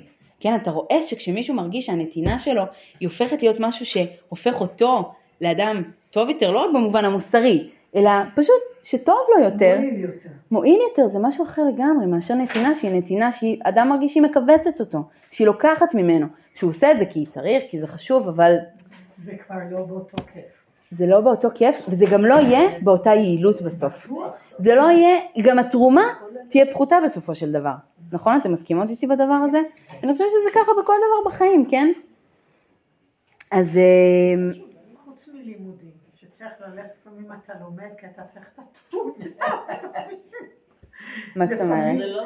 גם לימודים, לא- רק תמיד, לא תמיד לא נכון, אני מסכימה, אבל הרבה פעמים אתה בא ואתה לומד ואתה כן מחכה שיגמר, ואחר כך אתה תוכל לתת, אבל באותו רגע אין את אתה אומר לעצמך, החיבה הזאת. לא. לגמרי, תשמעו, אני לגמרי לגמרי מסכימה, וזה משהו שאני גם מדברת על זה עם הבנות שלי באופן כללי, על הפסקה הזאת, שזו פסקה שהרב קוק מזכיר בהרבה מקומות, גם בהקשר של עבודת השם. ולכן אמרתי שזה יסוד מאוד מאוד חשוב לעבודת השם בכלל בכתבי הרב קוק. שהרב קוק בעצם אומר לנו כאן יסוד מאוד מאוד חשוב. הרב קוק אומר לנו שכשאדם יש לו ציור פנימי, שמשהו גורם לו לכאב, לחוסר הנאה, שמשהו בעצם מה? שמשהו בעצם מנוגד אל הטבע שלו, אדם לא יכול להתמיד בזה לאורך זמן. אין לנו אפשרות, אז זאת אומרת, נכון, לפעמים אני בולע את הרוק לזה, אבל אני, אני כנראה לא אעשה בזה דוקטורט. את מבינה? מתי אני אעשה דוקטורט? כשאני מרגיש שזה משתלב עם מי שאני, עם האישיות שלי, עם האופי שלי, עם העולם הפנימי שלי. והרב קוק בעצם מדבר כאן על נתינה, ובמקומות אחרים, שגם הבאתי את זה קצת כאן, וגם אה, לא, לא, כנראה כבר לא ממש נספיק לקרוא, אבל בעצם הרב קוק אומר שזה נכון באופן כללי לעבודת השם, שכשאדם מרגיש שעבודת השם מנוגדת לאופי שלו, שבעצם הוא צריך מה שנקרא, טוב, יש, אה, לא יודעת, צו עליון, יש אה, איזשהו הכרח, יש חוק אלוקי, יש תורה, ואני צריך לעשות את זה כי צריך להיות מוסרי, כי צריך לקיים את התורה, כי אני רוצה להיות דתי, כי לא יודעת מאלף ואחת סיבות. היכולת של האדם בסופו של דבר להתמיד בזה, ללכת עם זה לאורך זמן, מה שהרב קוק קורא כאן הרחבת הטוב, כלומר להרחיב את זה מעצמי, להמשיך עם זה, היא מאוד מאוד מוגבלת. אני, מה שקורה היום עם החילון, הם לא מתחברים, אז הם לא... לגמרי, אתם יודעות שעשו סקר לא מזמן, ששאלו דתל"שים, שאלו דתל"שים, למה נהייתם דתל"שים? בדיוק זה התפרסם מזמן באיזה אתר, לא זוכרת, אה, סרוגים או משהו כזה, ושאלו אה, מה הסיבה המרכזית, כמובן תמיד יש אלף ואחת סיבות וכולי, אבל מה הסיבה המרכזית שגרמה לך להיות דתל"ש? והיו כל מיני תשובות שם, היה כמה אפשרויות, אחת מהאפשרויות הייתה אה, כי לא האמנתי באלוקים, כי לא האמנתי ביהדות, כי לא האמנתי בתורה, כל מיני דברים כאלה. מה אתם אומרות? כמה זה היה? מאוד נמוך, מאוד נמוך. התשובה הנפוצה ביותר הייתה, כי הרגשתי, Hmm? דווקא לא, זה גם היה, זה גם היה ודווקא לא הרבה, כי, רציתי חופש, כי שנאתי שכופים עליי, כי שנאתי להרגיש שמכריחים אותי לעשות משהו שאני לא מתחבר אליו. זאת הייתה התשובה, Hmm? לא יודעת, אני במקום אחר, אני חושבת שבאמת אה, רוב המצוות שאני מקיימת היום, אני מרגישה שכופים עליי, ואני עדיין ממשיכה לקיים אותם. אנחנו דור אחר. זה לא, אני יודעת, הצעירים לא שם. אני מדברת על... לא. זה, לא- זה, זה, צריך לזרום. היום, היום באמת הדור שלנו זה משהו שאני אני לא אומרת שהוא טוב, לא, כן? אני אומרת, קשה עם אבל הפסקה הזאת של הרב קוק, כי כי באמת אני... הרב קוק הוא לא מהדור שלנו, כן? הוא מלפני מאה שנה. אבל בעצם בעצם הוא אומר כאן, אגב בהרבה מקומות הרב קוק מדבר על יראה. אבל, אבל למה, להתנגד לטבע? אני הייתי בשירות לאומי לפני הרבה שנים. זאת אומרת? מי נשאר שם מהחברים בסוף, אחרי שהם. גמרו את הנחל, ואחרי שהקמנו יישוב ו- וכל הציונות והחלוציות, הכל היה חשוב לכולם. מי נשאר בסוף? אלה שאהבו את העבודה החקלאית. לא יעזור כלום. בסוף זה צריך גם להתחבר לאופי שלך. אז, אז אני אנסה רגע לענות על זה, בסדר? אני, אני מסכימה ש... אני מס... מה? א', זה, בסדר גמור גם לא להסכים, זה בסדר גמור, אני שמחה שזה מעורר, אני שמחה שזה מעורר, לגמרי. תשמעי, תשמעו באופן כללי, הדבר הזה זה יסוד שהוא מאוד אה, מאוד מאוד חדשני, זה משהו שפחות הכירו בכלל, אבל הרב קוק מדבר על זה המון גם באורות הקודש, גם במקומות נוספים, שזה לא שהוא אומר שאתה צריך לעשות רק מה שאתה מתחבר אליו, זה לא מה שהוא אומר, והוא בהרבה מקומות גם מדבר על מקום של יראה, ומקום של לעשות מתוך נאמנות, ודאי, זה, זה יסוד שהוא קיים, לגמרי קיים ביהדות, אבל כן הרב קוק אומר שבסופו של דבר, ותקשיבו טוב, בעיניי זה משהו, אני יכולה להגיד שלי, זה הפך לגמרי את כל עבודת השם, את כל האישיות שלי. זה קטן מאוד, אנחנו כבר דנים בזה, הוא ככה, בואו נמשיך לראות. מה הוא ממשיך להגיד, לא, אולי אולי זה... אני- פשוט אז אני, אני, אני כן רוצה כבר להגיד, כל זה בתוך אה, מסגרת אחת. נכון, לא הבאתי כאן המון מקורות, אבל אה, אני, אני כן רוצה להגיד כאילו את השורה התחתונה, אני כן רוצה להגיד את השורה התחתונה כי הזמן שלנו כמעט מסתיים והייתי מאוד רוצה ככה לדייק בתוך, אה, בתוך מילות הרב קוק, אבל, אה, אבל כן, אני- כן אני רוצה להגיד את השורה התחתונה, ש... ב- לי, לי זה ממש שינה את התפיסה, שבעצם הרב קוק אומר באופן עמוק, ושוב אומר את זה בהמון המון מקומות, שאם אני ארגיש שעבודת השם, או התורה, או המוסר, הם דברים שמנוגדים לטבע שלי כאדם, בעצם מה שאנחנו אומרים כל הזמן כן, על לצאת מעצמי הזה, אני לא אוכל להתמיד בזה לאורך זמן. למה? כי הרב קוק אומר שיש בנו נטייה שהיא נטייה אלוקית לעשות את מה שאנחנו מרגישים שמתאים לנו. מה שאנחנו מרגישים שקשור אלינו, מה שאנחנו מרגישים שמחובר אלינו. ואם אני ארגיש שהתורה היא משהו שמנוגד אליי, שהוא לגמרי מבחוץ אליי, שאני עושה אותו רק כי הוא איזשהו צו, כי הוא איזשהו חוק, אבל הוא לא באמת מתאים לי, הוא לא באמת שייך אל העולם הפנימי שלי, הוא לא מדבר עם העולם הפנימי שלי, אני לא אצליח להתמיד בזה. אני לא אצליח. ואני אני, אני אישית חושבת, עכשיו תראו, ברור שזה לא דבר מוחלט, אבל אני רואה את זה גם עם הבנות שלי במדרשה, ובכלל בנות היום צעירות, שלמשל הנושא של הצניעות, כן?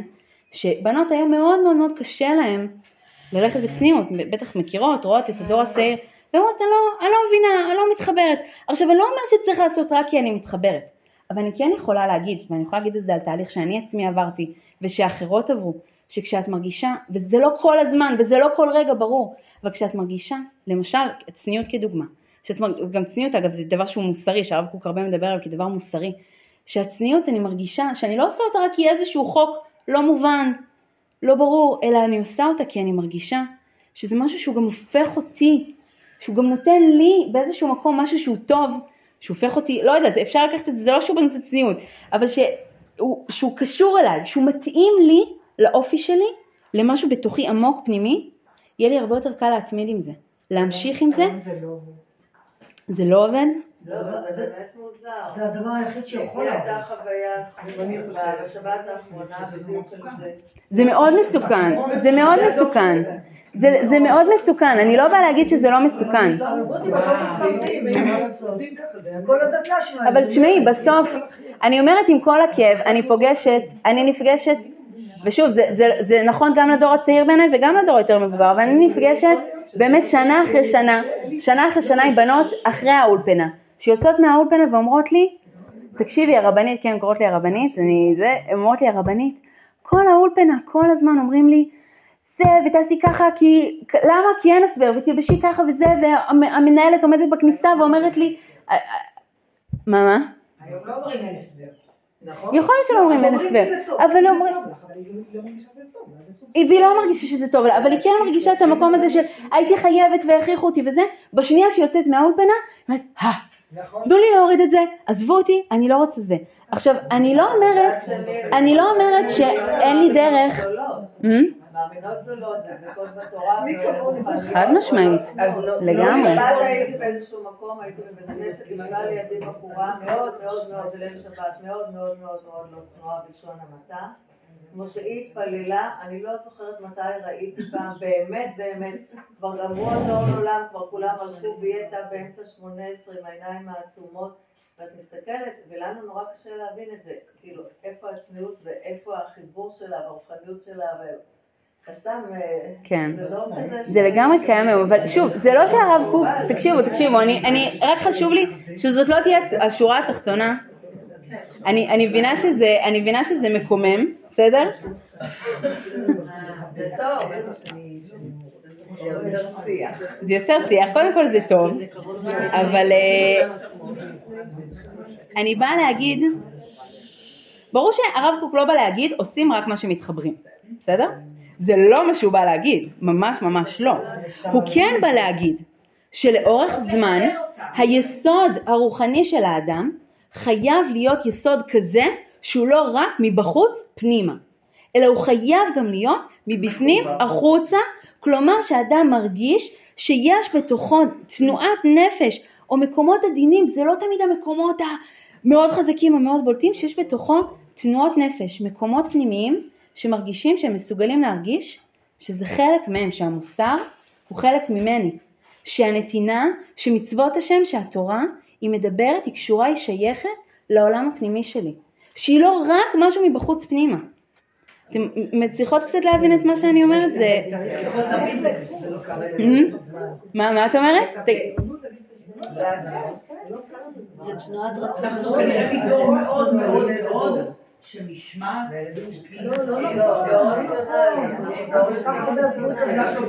גם אתה לא מבין, קודם כל זה גם אצל החרדים וגם אצל הדתיים לאומיים, הרבה עוזבים את הדת, כשהם לא מתחברים לא יעזור כלום. ואני חושבת, אני רוצה רק להגיד, אני, אני רוצה להגיד עוד משהו אחד אחרון, בסדר? תרשו לי. אני, אני מבינה שזה ככה משהו שהוא... אני האמת התלבטתי אם להביא את זה ככה בשיעור הראשון או לא, ובכלל הספקנו את כל המקורות, אבל, אה, אבל אני, אני, אני גם רוצה להגיד כאן בעצם את מה שהרב קוק אומר כאן בשורה התחתונה, אה, וגם להגיד שנייה כאמירה כללית, שכשהרב קוק גם מדבר על המקום הזה של הלהתחבר, זה לא גם שהוא מדבר על להתחבר עכשיו לכל מצווה באופן פרטני, כן? אני רק אדליק נרות אם אני אבין למה מדליקים נרות. זה ממש ממש ממש לא מה שהוא אומר. בעצם הרב קוק אבל באופן כללי ככותרת אומר שעבודת השם, התורה והמצוות, וזה משהו שחוזר המון המון המון אצל הרב קוק, עבודת השם והמצוות הם דברים שמתאימים לטבע האנושי שלנו. כלומר שהקדוש ברוך הוא ברא אותנו עם מקום פנימי שמרגיש שהתורה היא נותנת לו, היא חלק ממנו, התורה המוסרית, ואני חושבת שאת, איך קוראים לך? רותי. רותי, אני חושבת שהזכרת את זה בעצם קצת במה שאמרת, וזה כאן, זה בעצם מה שהרב קוק מסיים איתו כאן, שהרב קוק אומר, ותקשיבו זה דבר מדהים, הרב קוק אומר, תשמעו, בסוף בסוף מטיל בכיס, כמו שאת אמרת וזה מקסים, מטיל בכיס זה בכל מעשה נתינה. הגמרא שם אחר כך ממשיכה, היא אומרת, יותר משאני עושה עם, יותר משבעל הבית עושה עם האני, האני עושה עם בעל הבית. למה? כי תמיד הנתינה היא הדדית. אני יכול להרגיש כאילו נתתי לו כסף, אני רק נתתי לו כסף. הוא נתן לי משהו הרבה יותר גדול. הוא נתן לי עולמות שלמים שנפתחו עכשיו בפניי. אבל השאלה היא, האם אני גם מסוגל להרגיש שאני מטיל בכיס? כלומר, האם האני, האם העשיר מסוגל להרגיש שהאני הוא שותף שלו? תמיד, בכל מעשה נתינה. כשאני נותן צדקה, בעצם הרב קוק מסיים כאן, כשאני נותן צדקה, אני בתודעה של עשיית צדקה. אני עשיר, הוא אני, אני נותן לו.